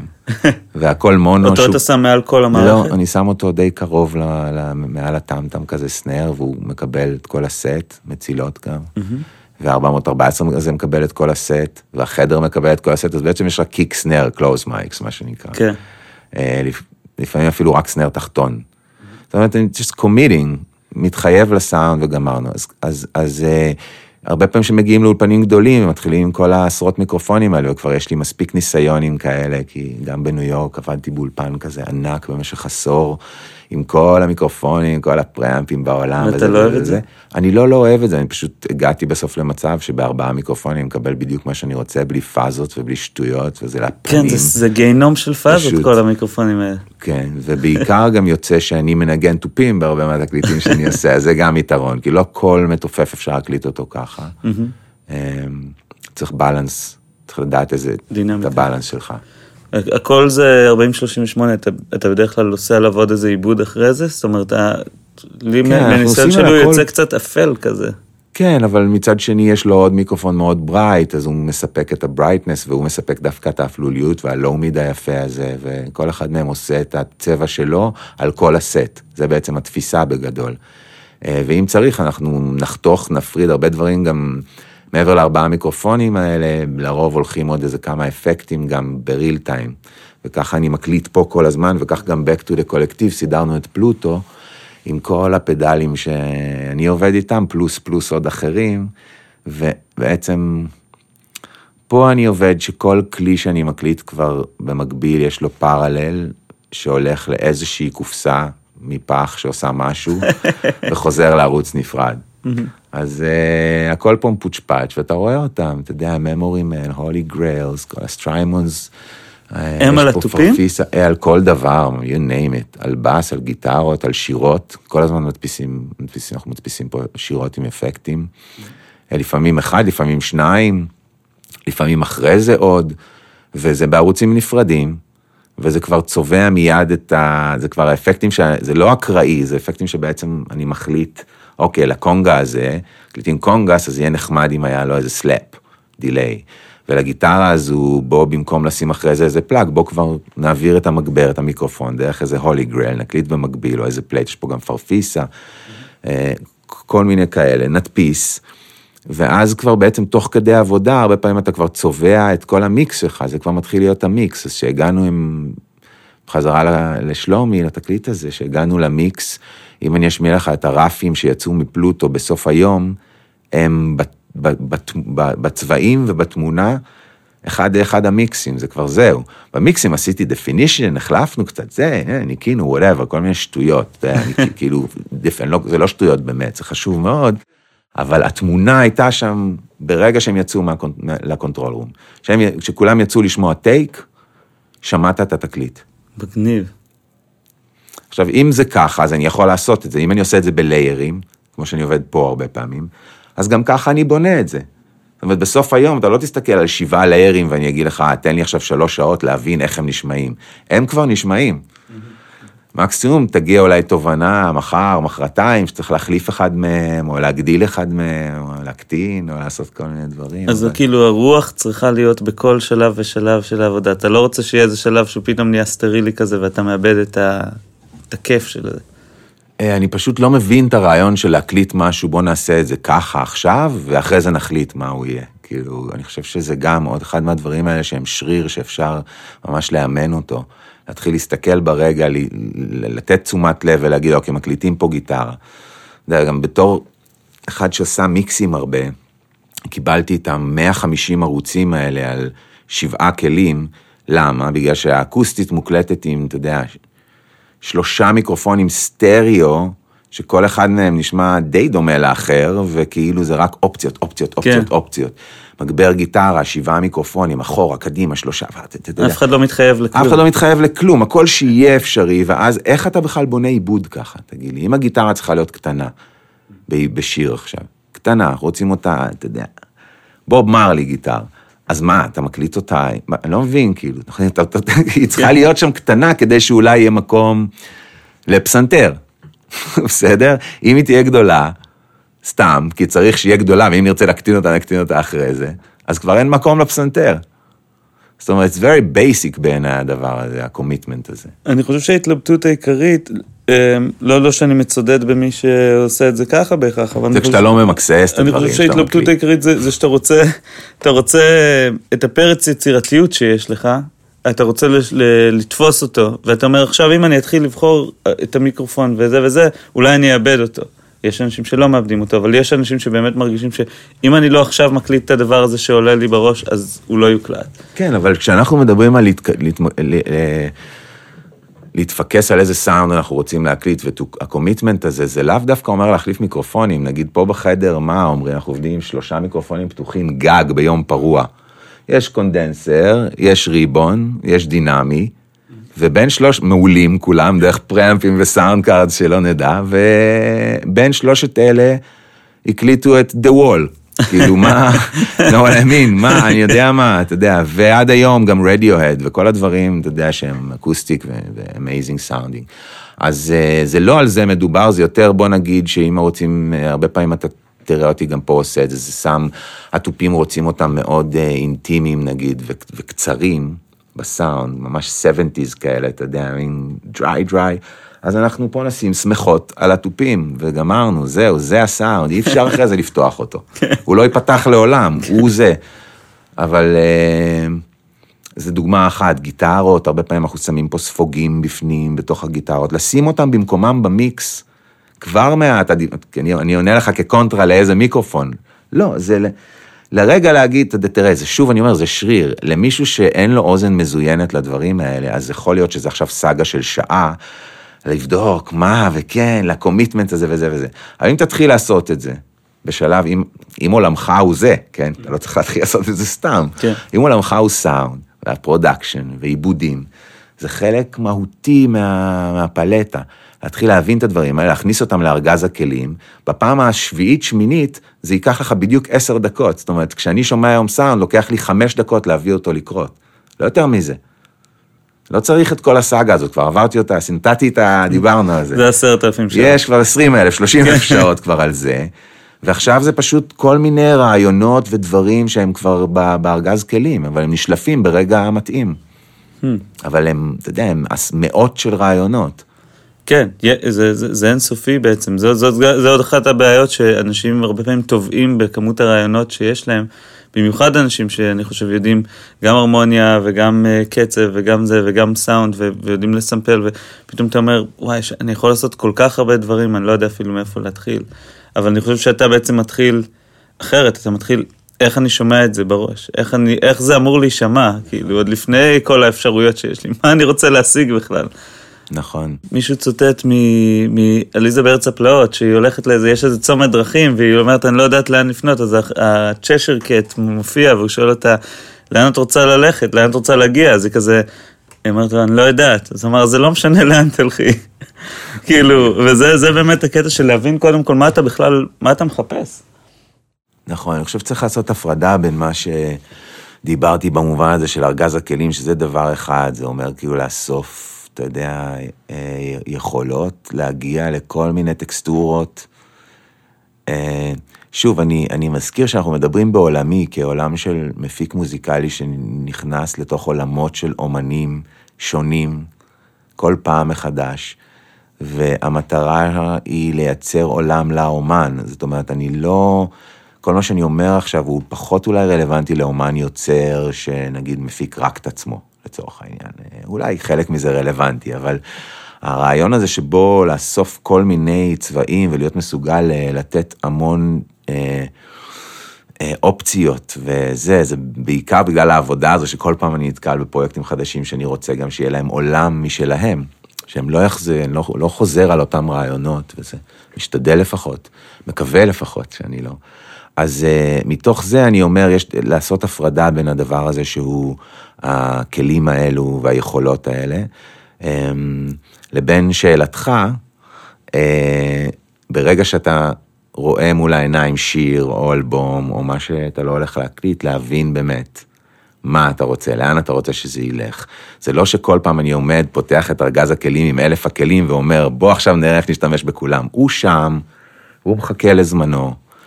כשיגיע רעיון, יישלף מה שצריך להישלף ממנו, זה לא, אני לא פותח אותו על הבוקר, אתה מבין? אז זה מטאפורי, אבל זה ברור מה אני אומר. כן. אז באמת הדבר הזה קורה, ולרוב אה, לחדד עוד משהו שדיברנו עליו קודם, לגבי אה, אה, להיות במקומות שאתה רוצה להיות בהם, אז יש סיכוי הרבה יותר גבוה כשאתה במקום, במוזיקה שאתה אוהב, ומשהו שאתה מחובר אליו, להיות בשיאך, והרעיונות שלך והוויז'נים שלך יכולים לפרוח במקומות כאלה הרבה יותר, כך בעצם תהיה יותר טוב, אוקיי? bottom line. אז מכיוון שאני התחייבתי לדבר הזה עם עצמי, זה דיל שאני קראתי עם עצמי, אז משם זה מאוד פשוט, בגלל שאני שומע מוזיקה שפנו אליי לעשות אותה, או שאני רוצים שאני אהיה מעורב בה, ואני בערך תוך עשר שניות יודע אם יש לי מקום בה, אה, מתוך קודם כל איזשהו חיבור רגשי מאוד מאוד בסיסי, שלא קשור לי, אליי כמפיק, קשור אליי כתמיר, כבן אדם, ואז אה, נכנס המפיק שבזה. לפעמים אין לו דלת, ואני עדיין מאוד אוהב את זה, ואין לי שום מושג מה לעשות עם זה. וכשיש לו דלת, זה אומר שיש לו רעיון איך לעשות את זה יותר טוב ממה שעכשיו אני שומע. אז ראה, קודם כל, אם זה קרה, אז זה כבר מגיע עם רעיונות. בגלל שהשיר בעצם, לרוב, אם אני מוצא אותו במקום שבו הוא לא טוב לו עוד, הוא יכול להיות במקום הרבה יותר טוב, אז אם כבר זה, הוא צועק לי מה הוא רוצה. מיד אני רואה את זה. וזה הדברים האלה שדיברתי לך, ריתמיקה, בעיה בטקסט, הטקסט חלש, כל מיני אנקדוטות מאוד ברורות, הן קופצות לי כמו סכין. אני הם, לא כמו בעבר, שהייתי מתעלם מהם כדי לעשות פשוט משהו, נכון? כן. מכיר את התחושה כן, הזאת? כן, שזה בוער בך. אתה פשוט רוצה לעשות, כן. אז יהיה אחר המילים, לא נורא, העיקר תן להקליט תופים, נכון? כן. או whatever. אז אה, זה כבר לא קורה, אז אה, זה חייב להיות מדויק המקום הזה, ואז משם אני ניגש, ואז משם... אתה רושם את זה פיזית? לא, אין צורך, לא? זה שם, זה שם. אוקיי. אם זה לא הופיע עוד פעם מחר בבוקר, סימן שכנראה זה לא היה חשוב מספיק. אז אמ, אוקיי, בוא נלך טיפה אחורה, כי אנחנו, אנחנו, יש לי איזה נטייה תמיד להתפזר ב, בשיחות. אני, אני מאוד אוהב את זה, ו, אבל כאילו, לפעמים אני מרגיש צורך למרכז, כאילו, אז בוא נלך נניח אה, בחזרה לאולפן, אנחנו עדיין עם פורטרק. וואו. זוכר את זה. אתה שומע איזה מוזיקה באותה תקופה? אמ, תקליטים שהיו בבית, בעיקר. שמה מה זה קורה? אמ, היה לנו עוגב בבית, אז אה, הרבה מוזיקה קלאסית. עוגב כנסייתי, אמיתי. בפתח תקווה. כן, בדירה. אז היו שם רסיטלים, ופחות או יותר עד היום אני יכול לצטט לך כל אה, באך שנכתב לאורגן. אמ, ואז במקביל לזה, מה שקראו שנים אחר כך מוזיקת עולם. אימא שלי הייתה, גם אבא שלי היה מביא יותר, קצת, קצת יותר מהג'אז, אבל אימא שלי הייתה קונה תקליטים אפריקאים, ברזילאים. ו... דברים שאתה זוכר? פלה קוטי? אה? לאו, אה, גם, גם כזה, אבל אתה יודע, אה, דווקא היא הייתה ב... היא הייתה בגאו קוסטה וכאלה, שזה היה כאילו פופ ברזילאי כזה לפנים. כן. ומזה ועד כל מיני להקות אזוטריות שכנראה, אתה יודע, היו מביאים לנו לחג, כי היינו ב, כי, כאילו משפחה של מוזיקה, אז הם היו כנראה מביאים לחג כל מיני תקליטים אזוטריים כאלה, שאני, יש לי את חלקם פה עד היום, כאילו, הבאתי אותם בחזרה ואני מסמפה להם את הצורה פה ושם, אבל אה. גדלתי איתם, ו, ועד, ופתאום ימי בצורת של מתי כספי, ואז זה מה שהיה כזה. אה, והדברים האלה משפיעים עליך ב... בסאונד שאתה עושה, במוזיקה שאתה עושה, או שלא ממש? הם היו הסיבוב הראשון בטח של אה, להבין פתאום אסתטיקה וסאונד, אבל זה כל הזמן קורה. כל שבוע אני נחשף למשהו שנותן עוד איזה תבלין ואפשרות בתוך הפלטה של הסאונדים. גדול. ואוקיי, אז משם, אנחנו באולפן, מה, מה היה הצעד הבא? מה, היה, מה הייתה המדרגה הבאה? מה, אה, בעולם ההקלטות? מתכוון? למשל, ההקלטות, ההתפתחות המוזיקלית שלך. אז האולפן הזה קרה עד איזה גיל 20 כמעט, כש, כשכבר גרתי בתל אביב וניגנתי עם, אה, בתור מתופף ככה, איזבו כזה כבר די פרצה בשוק המקומי או משהו, הפכנו להיות מין להקת, אה, שהרבה מוזיקאים אהבו לבוא לשמוע, כי הייתה רמה כזה מאוד גבוהה כן, הם יצאו ו dedication. עם Morning Hero. אני אהיה איתך עשר שנים לפני. אה, באמת? כן. לפני זה? אוקיי. לפני. ו... ואז אה, צדו אותנו קצת, והתחלנו לנגן, וניגנתי עם כל מיני אנשים, עם שלום חנוך ואיזה תקליט, וארכדי דוכין, והספקתי באיזה שנה פתאום לקפוץ מלהיות ילד אה, פתח תקווה ל... בגיל מאוד מאוד צעיר, אה, לנגן תקליטים וזה, ולעשות זה, והרגשתי שזה בא מהר מדי, וחתכתי לניו יורק בגיל 21, 2. אתה נוחת בניו יורק, מה אתה עושה שם? מתחיל מאפס. ממש כמו בסיפורים שאתה יורד מהספינה עם אה, דולר בכיס? אה, עם עשרת אלפים דולר בכיס, אבל גם הם נגמרו מהר מאוד. אה, כאילו, נסענו עם איזבו בעצם לשם, וזה לא צלח, זה היה קשה מאוד, למרות שעשינו תקליט מאוד גדול ב Power Station, וכל הכסף הלך לעשות תקליט מאוד גרנדיוזי, שגם בסוף נגנז, ו... אה, כולם הגיעו למצב התקלבות מאוד גבוה בניו יורק וחזרו ארצה ולא יכלו לחזור יותר לניו יורק, זה היה כבר too much. ואני נשארתי. ניו יורק חיבקה אותי. מה עשית שם? אה, פתאום ברגע שהדבר הזה קרה, כאילו כל עולמי חרב, כי הלהקה שלי כבר לא חזרה ואני החלטתי לא לחזור אחריהם לתל אביב. אז אה, באותו רגע, מה שנקרא, נסגרה דלת, נפתחו 20, זה מה שקרה. פשוט התחלתי לנגן כמו משוגע, אה, מגיל 20 וכזה, 1-2 עד גיל 25. אה, הסתובבתי עם לודוויג בבגאז' וניגנתי כל ערב, ומלא סשנים, פשוט all over. גיגים, חתונות? לא, לא, לא כאלה. לא כאלה בכלל. אה, דברים בסך הכל, תראה, בשביל כמות כזו של נגינה, להגיד אהבתי, זו מילה גדולה, אבל בסך הכל אהבתי. זה לא תמיד היה סגנונית מדויק, אבל גם אני עוד לא ידעתי מי אני כל כך. גם אני עוד חיפשתי, וחלק מהפתיחה הזו הייתה בשביל למצוא. אז זה היה מין ממקום מאוד סגור של להקה אחת ודדיקיישן לדבר אחד. זה פתאום התפרק ופתחתי את כל הצ'קרות לראות מה, מה עוד יש בעולם הזה. ואני בניו יורק והכל חדש והכל טרי כזה, כולם רוצים שאני אנגן איתם, נורא כיף, וזה. ועפתי על זה איזה כמה שנים, וזה נתן לי הזדמנות לחדד את הטעם שלי בתוך זה, סאונד אתה לא עושה אז. כל הזמן. תוך כן. איזה שנה, שנתיים מאז כבר הבאתי את כל הציוד מפתח תקווה לניו יורק, ופתחתי את Vibromonk Records בוויליאמסבורג, שזה 6,000 square feet, לופט, ששלושת אלפים ממנו היה אולפן, עדיין אולפן, וואו. זה עדיין שם. זה עדיין שם? כן, לגמרי. ואפשר ללכת vibromonk.com, אני חושב שאפילו אה, דני השותף החמוד שלי אה, לשעבר אה, מפרסם, וזה קיים, והאולפן מדהים, וזה אולפן כזה חלומות. לופט ענק בניו יורק, מעץ בן מאה ומשהו שנה.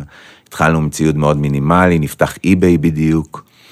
מצאנו את עצמנו עם Telefunkens מפורקים מכל קונסולה אפשרית, ו fucking ribbons, ונוימנים, ואוספים של Hammond ים, Rhodes, Moog ים, Clavinet, וואו. אה, כל vintage drum set אפשרי שאתה יכול לדמיין בכל המידות. מין מי- כזה, כי eBay בדיוק? התחיל. אמ, את מי אנחנו מפיקים? זה נפתח בזה שתוך כדי זה שאני מנגן שבע פעמים בשבוע, עם מלא הרכבים, אנחנו בונים את האולפן הזה, לאט לאט, לוקחים את הלופט הזה, משפצים, אה, קרועים בכס, לא מצליחים בקושי לסחוב את זה, אבל בסוף זה עומד. כשזה עומד, אני מתחיל להפיץ את הבשורה שיש לי אולפן בברוקלין. אני מנגן עם איזה 30 איש באותה תקופה. 30, ככה זה היה אז בניו יורק, היית עושה הרבה גיגים בעצם, היה את כל העניין הזה של גיגים. אמ, אז אה, פשוט מישהו מוכר או פשוט מקומיים? לא מקומיים לגמרי. אה, מתוך השלושים האלה, לאט לאט כשהאולפן כבר התחיל, אני לא עכשיו אספר את סיפור חיי, אבל בקצרה שם, כשהאולפן התחיל לעבוד, בעצם אה, מיקדתי מתוך ה-20 ומשהו הרכבים האלה, אתה יודע, או פרויקטים שהייתי מעורב בהם, שלושה שמאוד מאוד אהבתי, ובהם התמקדתי מבחינה מוזיקלית, ואת שאר הזמן שלי העברתי בסטודיו. ואחד מהם היה להקה בשם Big Lazy, הרכב אינסטרומנטלי. אה, מין כזה Tom Waits on acid, בלי שירה. אה, השני היה הרכב בשם Firewater, שזה הרכב שעד היום קיים, ואני בעצם בסוף כבר הפקתי לו עוד כמה, את איזה שלושה תקליטים, והיום אני עדיין עושה מיקסים לחלק מהתקליטים, ש... לא היום, אבל בשנים האחרונות. זאת אומרת, זה קשרים שנשארו לי הרבה זמן, והשלישי היה Balkan Beat Box, בעצם, שהתחיל כבר אה, לקבל צורה מתישהו יותר קדימה. אבל אה, ברגע שהפצתי את הבשורה ואנשים הגיעו וקלטו שיש סטודיו מדהים ויכולות מאוד מאוד גבוהות, גם שלי וגם של דני להקליט ולהביא סאונד מדהים, um, that's it, the rest was history, היינו שם, פשוט עפנו איזה קרוב לעשור, uh, עשינו מלא מלא דברים שם, פשוט מלא תקליטים, רק מה שרצינו. וואו. אמ, לעולם לא פרסמנו, זה היה פה לאוזן, זה נהיה, הייתה קהילה מאוד מאוד גדולה סביבנו של אומנים ושל להקות שאהבו להקליט שם קבוע, ומסיבות גדולות, ואתה יודע. איזה יורק. כיף. כן, אז מאוד. השאלה הבאה היא למה- למה חזרת?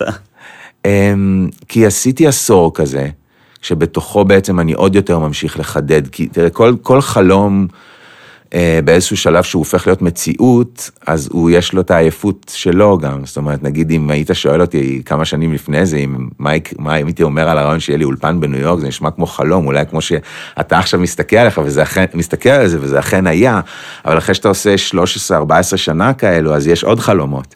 ואז תוך כדי המשכתי לדייק כל הזמן מה אני רוצה לעשות. אז בהתחלה התחלנו מזה שעשינו טכנאות להמון הרכבים, קראנו שם ג'אז ודברים מעניינים, פקטורי, הקליטו שם נגנים, שאתה פשוט לא מאמין שאתה בכלל מקליט אותם, אתה יודע. אז אתה יכול לתאר לעצמך איזה צ'ופס קיבלתי כטכנאי באיזה חמש שנים הראשונות שם.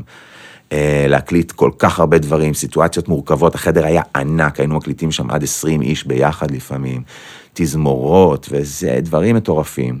אז קיבלנו הרבה צ'ופס, באיזשהו שלב הבנתי שאני רוצה להפיק יותר, התחלתי להתמקד בעיקר בזה. פחות טכנאות, עבדתי עם דני צמוד, הוא היה טכנאי בכל ההפקות שלי, והתחלתי בעצם רק להפיק, הפסקתי לעשות טכנאות, זה, זה היה עוד איזה קפיצה, אז עשיתי את זה חמש שנים, הפקתי המון תקליטים שם. אמ, לקחתי עוד איזה 20 אלף שעות על, על ההפקה כבר בסיבוב שלישי, אוקיי? אמ, ואז אה, בלקן ביטבוקס פתאום מאוד הצליחו, ועוד כל מיני פרויקטים שהייתי מעורב בהם. אה, תפסו, פרסו כנפיים, והתחלתי למצוא את עצמי מסתובב בעולם, ובטורים, וטה טה טה, ובלקן נורא כזה פרח. והייתי מגיע בעצם לעשות פרויקטים בניו יורק, ולפעמים גם במקומות אחרים, באירופה, ולפעמים פה בתל אביב. ובעצם האולפן בניו יורק הפך להיות מין כזה עוד אופציה מתוך רבות. זה כיף. ובאיזשהו שלב, מכל מיני סיבות אה, אישיות יותר, באתי לפה לאיזה ביקור ארוך מכרגיל, איזה חורף, והתאהבתי, ונשארתי, וזהו. פשוט לא הסתכלתי אחורה יותר. תוך כדי שזה שמאז זה עוד כמעט עשור, כן? אה, שאני כל הזמן מסתובב, אתה יודע, הרבה חודשים בשנה אני מסתובב בעולם, אז כל ה crave הזה של להיות תקוע פה בתל אביב, בביצה וזה, אני בכלל לא מרגיש את זה. כשאתה מסתובב, מה, מה המטרה שלך בעיקר? tour ים של Balkan Beat Box. אז אה, בעיקר זה זה.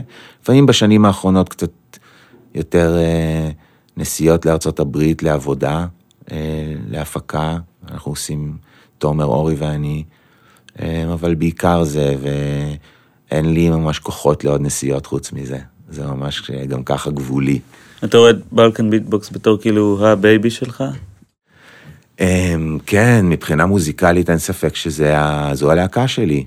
אה, אבל כפי שאתה יודע, ואולי חלקנו יודעים, יש לי הרבה מאוד אה, צבעים שהם מאוד שונים מבלקן ביטבוקס, אה, ואני צריך ונטלציה בשבילם. אז העולם של ההפקה הוא זה בשבילי. הוא להיות מסוגל לעשות דברים שלאו דווקא מתאימים תמיד ללהקה שלך. יש איזה משהו שהיית רוצה ועוד לא עשית? אמ, כמובן, התשובה היא כן, אבל אה, גם אין לי תשובה. אני לא ממש חושב ככה. אני חושב שבסך הכל אני עושה בדיוק מה שאני רוצה לעשות. כן. כמובן שיש דברים נפלאים שעומדים בדרך, והולכים להגיע, ואולי יגיעו, ויגיעו, וכל מיני, אבל אה, אני לא כזה עושה תוכניות במובן הזה. יש כמובן עכשיו את, ה, את אייפ רקורד, שזו ההרפתקה החדשה, אמ, וכל תשומת הלב שלי אליה. מה עומד מאחורי זה? אה, עומד מאחורי זה אולי אה, עוד סיבוב כזה של שינוי, כמו שאני כל כמה שנים חייב לעשות בשביל לעורר את כל החושים. שבעצם אה, אני כבר מה, איזה שש-שבע שנים פה מפיק תקליטים בארץ. אמ, והתחלתי לשים לב לכל מיני דברים ולכל מיני אולי אופציות לשינויים. באיך שמהרגע הזה שבו השיר יוצא מפה, מהדלת של האולפן, ומתחיל את דרכו לעולם, הרגשתי קצת שדברים תקועים אולי שם בכל מיני מקומות, דווקא מזה שישבתי מהצד וזה לא הייתה אחריות שלי אף פעם, תמיד אני מסיים את עבודתי ביום שהשיר יוצא מהאולפן, אבל האומן והצוות שלו מתחילים את עבודתם. השנייה של להנגיש את הדבר המקסים הזה שיצא מפה לעולם, ואני צופה בהם אחד-אחד, והרבה מאוד שירים כאלה, אה, שלפעמים אה, הגיעו למקומות מקסימים, ולפעמים פחות, ולאו דווקא, פשוט בגלל התנהלויות אה, וגם market מאוד מוזר וזה, ואז התחלתי לשאול שאלות על זה, לנסות להבין למה. אז זה היה צד אחד של פתאום אולי אפשר לעשות שם שינוי, של למה לפתוח פתאום את Ape Records. והצד האומנותי שאולי הייתי צריך להתחיל איתו, היה זה ששמתי לב לאיזשהו כוח מאוד מאוד גדול במפגש הראשון שלי עם אומנים, אה, בשנים האלו, וגם התוצאה של מה שקרה איתם במפגש הראשון הזה. אה, הרבה פעמים לפני שהתחלתי תקליטים, אני חושב 90 אחוז מהפעמים אה, עושים איזה טסט כזה, בדיקה של איך הכימיה, מה שדיברנו קודם, ואיך זה הולך, ואיך זה לעבוד יחד, ובוחרים איזשהו שיר בשביל זה. לרוב מתוך איזה רפרטואר, לפעמים קטן, לפעמים גדול יותר, ואז אני בוחר אותו ואומר, בוא ננסה להתחיל את הדיאלוג שלנו עם השיר הזה, לרוב כי אני מרגיש, נגיד, כי שבשיר ספציפי, אני יכול להעביר דרכו את איך כל התקליט הזה יכול להישמע בכלל. ולרוב זה מה שקרה, בשירים הראשונים האלה פוצח כבר התקליט. נגיד, תשמע את השיר הראשון של Different Pulses, Different Pulses היה השיר הראשון מהתקליט הזה. הוא הסאונד של כל התקליט הזה, זה ברור. אצל חווה אלברשטיין גם, אהבה, השיר הראשון שפותח את התקליט, הנה עוד אחד. ראשון, הם גם פותחים. הוביל את הסאונד של התקליט הזה, את האווירה שלו, את התחושות שלו, את הנופים שלו. כל ה landscape שלו זה הוביל, השיר הראשון הזה. אז התחלתי לתהות מה יקרה אם אני אעשה אה, לייבל שרק עושה את השירים הראשונים האלה. גדול, אז זה בעצם אתם מוציאים רק סינגלים, זה מה שאתה אומר? ש... כרגע כן, זה לא בגלל שהם סינגלים, פשוט כן, שירים בודדים אני מעדיף לקרוא להם. כן, סינגלים. שירים בודדים שהם, אה, שהם תהליך ארוך ומקסים עם האומנים, אה, של העשייה של השיר שנכתב פה ברוב המקרים מאפס, ואז יצירת המילים שלו לתוך זה, והמנגינה שלו, והעיבוד שלו לפעמים, ולפעמים לתוך ביטים קיימים שלי יש, אבל... אה, ואז תוך כדי זה כבר התעסקות ב visual, ואיך הוא יכול להיראות גם השיר הזה. ואז עובדים על הכל כבר ביחד, וזה מין עולם כזה שנסחב הרבה זמן, ומדייקים אותו, וחושבים עליו, ומנסים להעצים את מהות הטקסט ככל שאפשר, כדי שיצדיק את כל ההתעסקויות גם מסביב.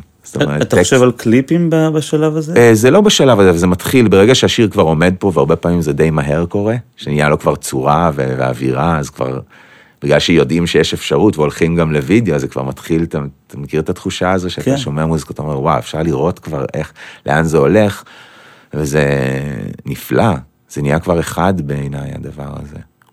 כשזה אפשרי כמובן. כן, אני מאוד מאמין בזה שמוזיקה היום צריכה להיות חלק מאיזו חוויה יותר גדולה מרק מוזיקה, כי אני, אני חושב שהם, אה, דיברתי על זה גם בפרקים הקודמים, אני חושב שמעט מאוד אנשים שומעים היום מוזיקה כמו שאנחנו היינו שומעים פעם, של לשים תקליט ולהקשיב לאלבום שלם, או אפילו לשמוע שיר שלם, שזה כבר דבר שהולך ו- ונעלם, אנשים עושים, אתה יודע, skip לחצי מהש- מהשיר, עוברים עוד 20 שניות קדימה, יאללה, הבנו את הרעיון. עכשיו, אם זה לא חלק מאיזה חוויה גדולה, אתה בעצם מצפה מבן אדם להקדיש ארבע דקות מהחיים שלו, להתנתק מכל מה שהוא עושה, ורק להקשיב לשיר שלך, שזאת, זה לצפות הרבה מאנשים, גם אם הם חברים טובים שלך. אמ, אני חושב שברגע שהמוזיקה היא חלק מקליפ, או חלק ממשחק, או חלק מאיזושהי חוויה, אז אתה בעצם לא מצפה ממישהו להתנתק לגמרי, אלא אתה רוצה שהוא יהיה חלק ממנה. ובגלל זה התחלתי בזמן האחרון לחשוב אולי הפוך, לחשוב איך אני כבר רוצה שה, שהקליפ יראה, או בתור חלק ממה אני רוצה שהשיר הזה יהיה, ואז לחשוב איך אני כותב את השיר הזה כדי שהוא יתאים לדבר הזה. וואו.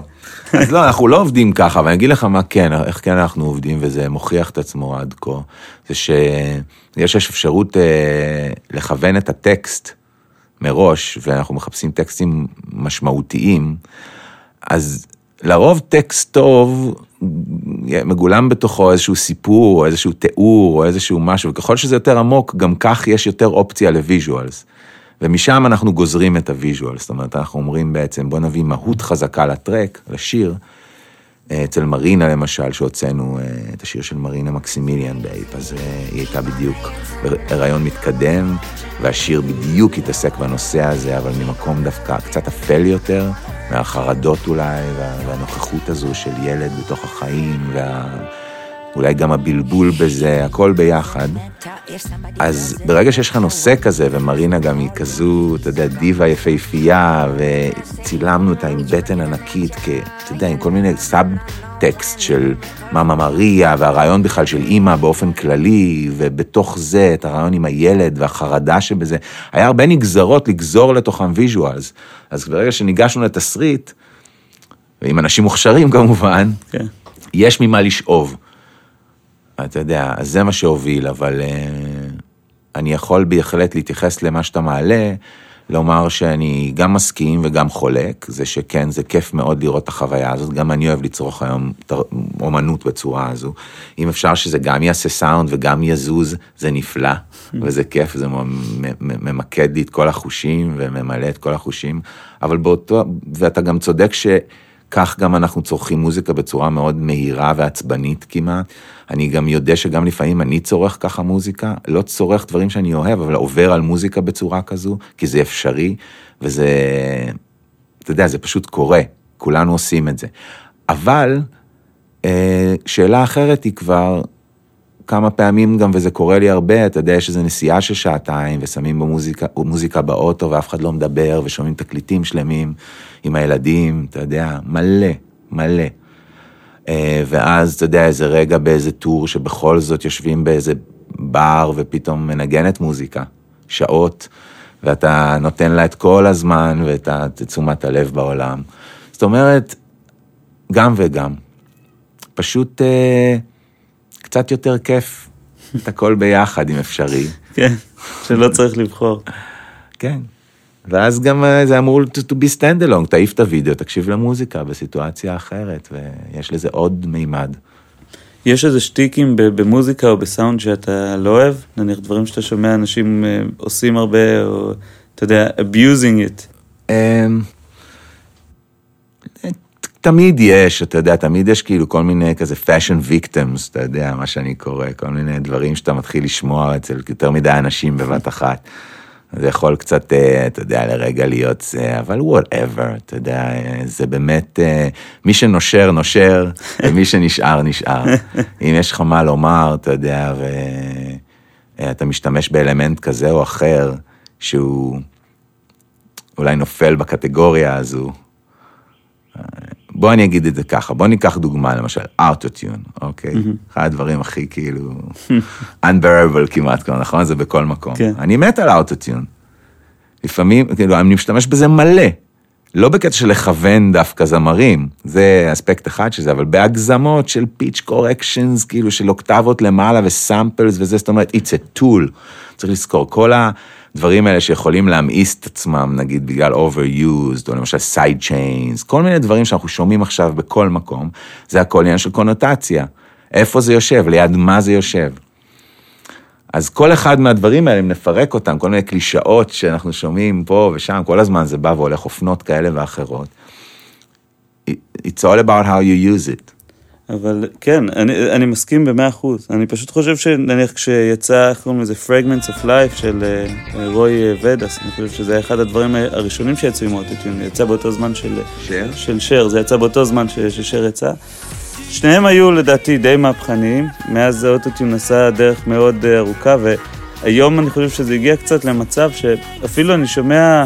דברים של ברי או אהוד בנה, או דברים מפעם, ש, שפעם נשמעו לי ממש טוב, ופתאום אני כזה, אבל הם מזייפים כל הזמן, אתה מבין, חידדו לנו כבר את כל כך את, ה, את ההבחנה הזאת, נכון, ש... שתשמע... והלוואי ש... זה לא היה ככה, כי... אבל אם תלך ותשמע עכשיו את, אתה יודע, מרצדס סוסה, או את uh, ז'אק ברל, או כל מיני, אני יודע, אתה יודע, זמרי ענק, אריתה, וזה, אז... They were on tune, my man. כן, they were on tune, וגם כשלא, הם ידעו לעשות את זה בחן. זה היה, זה היה חלק מה... העבודה עם הפיץ'. אמ, נכון, שוב, זה הכל בקונוטציה, אתה יודע, יש אלמנטים שיכולים כל כך להרגיז אותי כשאני שומע אותם, כשאני פותח רדיו. אה, ולמחרת הם יבואו בתוך איזה טרק של פרל, והם יפסיקו לעצבן אותך בשנייה, כן, אתה מבין? כן. אתה מכיר את החוויה, את התחושה הזאת של אלמנט מוכר שהוא מאוס בכל צורה, אתה יודע. ופתאום, אתה יודע, slapping bass, כאילו, I want to slap somebody if they slap the bass, כן. אבל פתאום מגיע ה slapping הנכון, and you're like, fuck man, כן. that's so fresh, וזה גם דורש חוש הומור של המפיק, למה הוא משתמש באלמנט כזה dated, ואם יש את כל האינטליגנציה מאחורה, אתה מבין מה אני אומר? לגמרי. אז, אז, אז זה פתאום, או פתאום זה מדהים. זה הופך להיות מקלישאה נוראית למדהים, לגאוני. זה הגבול הדק לפעמים. אתה עושה, אתה עושה את, אתה עושה מיקס לדברים שעצמך, אני, מבין, אני מניח, אבל אתה עושה גם מאסטרים? לא. אף פעם לא? Uh, כן, לא. לא מתעסק עם זה, יש לנו פה כאילו את כל הציוד לעשות את זה, ואת כל הפסיליטי לעשות את זה, אבל uh, יש משהו, מכיוון שידיי על העליונה לאורך כל הדרך, גם ככה, uh, זה תמיד נחמד לי שבעיקר אם אפשר ללכת ל top of the top, אה, שיש עוד ידיים שנותנות לזה עוד איזה טוויסט שאני בטח לא הייתי נותן. זה מאסטרינג בשבילך, רוב הערך שלו מבחינתך זה שיש אוזן, אוזניים אחרות שמקשיבות לזה ושאתה משחרר את זה? זה רוב הערך, כי המיקסים שלי מגיעים כבר איך שהם אמורים להישמע. זאת אומרת, אני לא מצפה מ mastering engineer, וכל פעם שזה קורה, זה תמיד חוזר אליו בחזרה. כשהוא מישהו... מכניס את עצמו יותר מדי. כל מיני שינויים רדיקליים, אין, אין, אין, כל השינויים, ש, כל מה שרציתי קורה במיקס. אז עכשיו, ככל שה master engineer יותר uh, top of the line, כך הוא מצליח להביא, בעצם זאת התובנה שלי היום, הוא מצליח להביא את המיקס שלי למקום שבו כשאני אשב בצרפת במסעדה, ויהיה רק רמקול שמאל פה, רמקול ימין בחדר השני. משגע אותי הדברים האלה. אני אשמע את המיקס שלי ויחווה את אותה תחושה, וזה קרה לי כמה וכמה פעמים עם תקליטים שעשיתי, שאני חווה את אותה תחושה שהייתה לי בחדר שמיקססתי, מבחינת כאילו, this is it, זה בדיוק מה שרציתי שיהיה שם. אם, ככל ש master engineer יותר מדויק, הוא יותר מצליח להביא את זה למסעדה הזאת. כן, גם על לפטופ, גם על אייפון, גם בכל המקומות. בגדול כן, אתה יודע, אנרגטית, אנחנו לא מדברים פה לא על frequencies עכשיו כמובן, ולא על שום דבר במובן הזה, אבל מיקס ש pops up, כזה pops out, מה שנקרא, קופץ לו החוצה, לרוב אה, זה בגלל סיבות אחרות מאשר definition. you know what I mean? כן. definition זה חלק מהסיפור, אבל character והיכולת להביא גם במאסטרינג, ושוב, בואו בוא, בוא ניכנס לפרופורציות, זה מדובר על שינויים של... אה, שרוב האנשים שיושבים פה ב-AB טסט, שאני מוריד את ה-7-8 DB שחוזרים אליי, כן? לא ישמעו. כן. בכלל. אבל אנחנו כמובן ויש איזה טריק שאתה רוצה לחשוף, או משהו שאתה, משהו שאתה הרבה פעמים עושה ואתה יודע שהוא יגרום לכל להישמע טוב, יש איזה משהו כזה? אמ, וואו. לא ממש, אתה יודע, אני מוכן לחשוף כל מה שתשאל, אין לי שום סוד. אני סתם אתן לך, אני אתן לך דוגמה, אני למשל, על, על, גם את זה סיפרתי נראה לי באחד הפרקים על שירה, אני כמעט תמיד שם פולטק ומעלה קצת ב-10K, ב לא יודע איכשהו זה תמיד עובד לי. אני יודע שזה כאילו אידיוטי לשים תמיד את אותו אפקט על, על שירה, אבל אני מרגיש שזה מוציא מזה איזה צבע מגניב. אה, אם יש איזה משהו ש... כזה. כן. אז תראה, פה יש שני חלקים להקלטות, כי הדברים תמיד עוברים בצ'יין מאוד מאוד טוב. אז נגיד אם אני, אנחנו, הגפל הזה, שאני מדבר עליו עכשיו, נגיד יעבור דרך Neve, ואז דרך LA2A, וזה לא plugins, אני מדבר עוד על hardware. LA2A לרוב בהקלטה, שזה tube compressor, ואז הוא הולך ל sound card של הד, שזה sound card מדהים, ואז הוא נכנס להקלטה. אז כבר עד פה, ה chain הוא, it's a million dollar chain, מה כן. שנקרא, אתה יודע. יש לך גם 1176, אה, אני רואה שם, הוא לא חלק מה default chain שלך? ה-1176, אתה מתכוון? אה, מי מהם? זה, איפה ראיתי אותו? זה ה-1176 כן. של עומרי, כן. נכון. הוא פה כל, הוא משתמשים בו לכל מיני דברים. בעצם, אוקיי, אז אני עובד פה summing לגמרי, אנחנו עובדים פה, זה, it's completely analog studio. זאת אומרת, אין פה in the box. Mm-hmm. יוצאים 16 ערוצים מ sound card של המחשב מה Apogees לתוך uh, Neve, מין summing של Neve, וממנו יש inserting כמו פעם על קומפרסורים חיצוניים, אז לכן כל הקומפרסורים שאתה רואה פה, רובם, או לפחות הרבה מהם פה זה זוגות. Uh-huh. אז אפשר בקלות פשוט לשים אותם על נגיד תופים יצאו מ stereo out ויקבלו איזה זוג קומפרסורים Dakings, ה kick נגיד יופרד הרבה פעמים כי הוא דוחף הרבה יותר, או לפעמים זה מגניב שהוא דוחף, תלוי מה, מה בא לנו לעשות. ואז אה, אפשר לשים פתאום נגיד כל הגיטרות על עוד איזה זוג קומפרסורים, ואם יש המון שירות ובא לנו אז הם ילכו ל-API פה, וכל, ו, וכך זה עומד בריל ולא מודפס בחזרה. Mm-hmm. כך זה קורה, ואז... זה עובר גם דרך הטייפ? אה, זה, הטייפ מש... לאחרונה אני פחות משתמש בו, ויש כמה תקליטים שנעשו דרכו, והומקססו אליו גם. איזה? אה, תומר יוסף, השחר 35, Alaev Family, משפחת אלייב. תקליטים שהיו צריכים את האקסטרה נכון. ג'ייף. ג'ייף. קיבלו כאילו איזשהו מין old schoolness כזה, ואני חושב שהיום פשוט יש לי טריקים אחרים לעשות את זה אולי, וגם אני משתמש בו יותר, אם כבר אז לאפקטים. Mm-hmm. אני אדפיס אליו דברים מסוימים ויחזיר ב-half speed או ב reverse וממש ישתמש בו כמו וינילים, כאילו כמו sample device כזה. אמ, אז בעצם כל ה setup פה הוא כזה, כך ש... וה plugins הם יותר EQים, אה, אני מוצא את עצמי משתמש הרבה ב-JJP uh-huh. של, של Waves בזמן האחרון, כאילו אתה פותח אותו וכאילו זה לשים acid על הכל, כן. אבל אני מרגיע, מרגיעים איזה 50 אחוז באיפה שצריך להרגיע וזה... כן, הוא, הוא אלים קצת, אבל... מה, הוא מאוד אלים, אבל ברגע שאתה לומד איך להרגיע אותו, יש כמה כפתורים צריכים לקחת מיד 50 אחוז אחורה, במיוחד הגבוהים וכל מיני כאלה. כן. ו, ושוב, אז ברגע שמיקרופון כזה טוב, עובר כזה פראמפ טוב, עם קומפרסור וזה, וכבר הסיגנל כזה, then you can do anything with it. אתה יודע. אה, אז, ואז פלאגינס הם יותר צבעים. או לשנות את הסאונד לגמרי, אתה יודע, פשוט. הדיסטרסור הזה אדיר.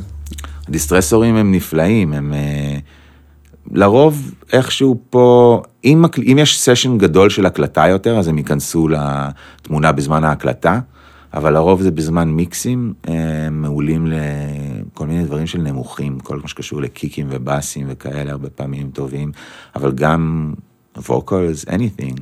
הם, הם, הם, הם מין כזה פלאג בתוך הארדוור, זה הטבע, זה הצבע כן. שלהם.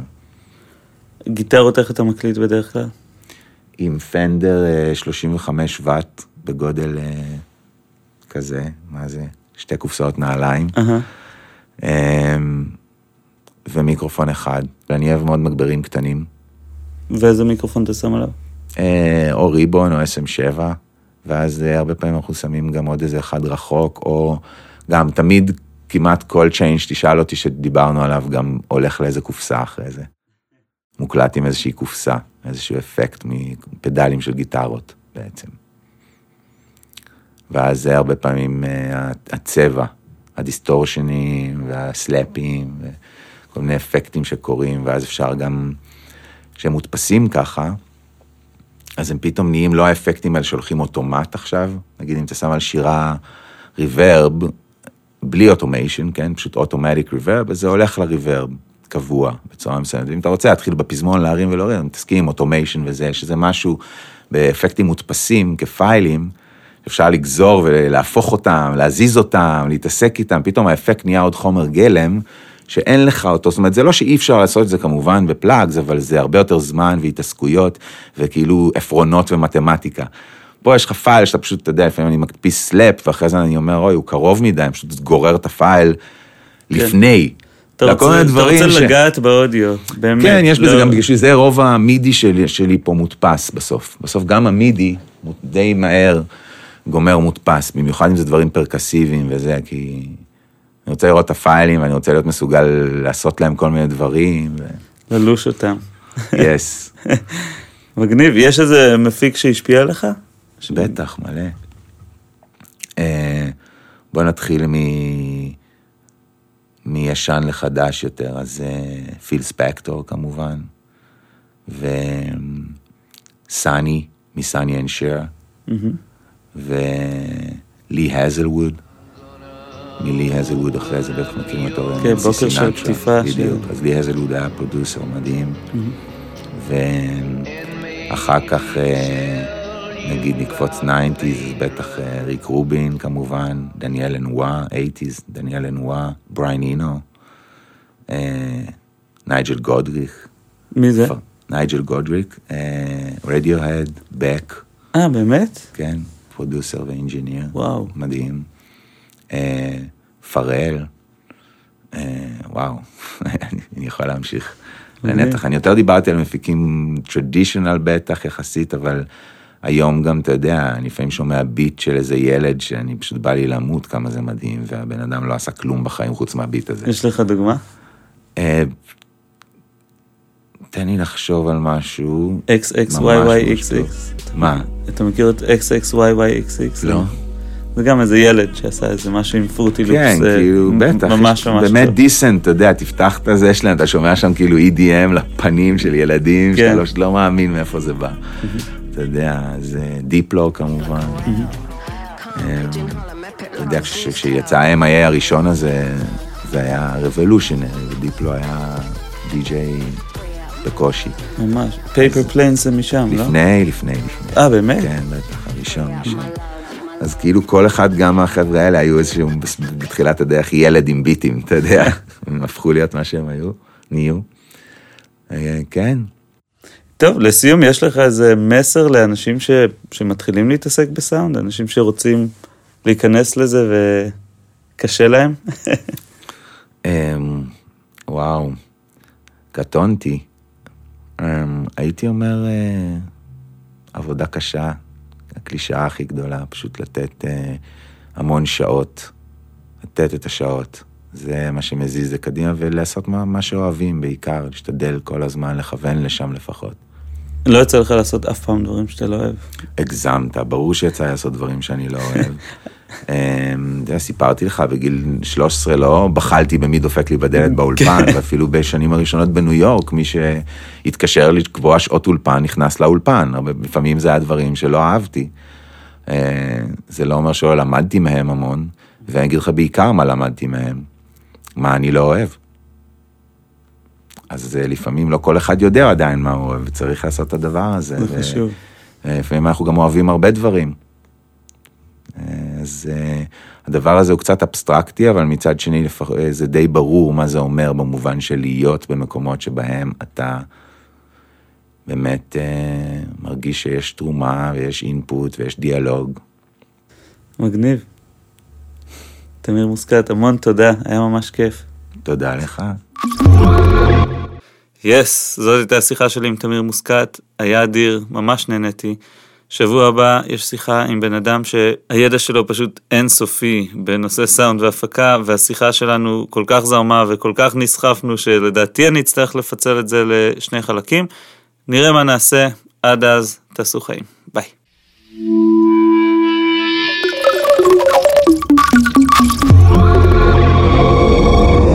Sound.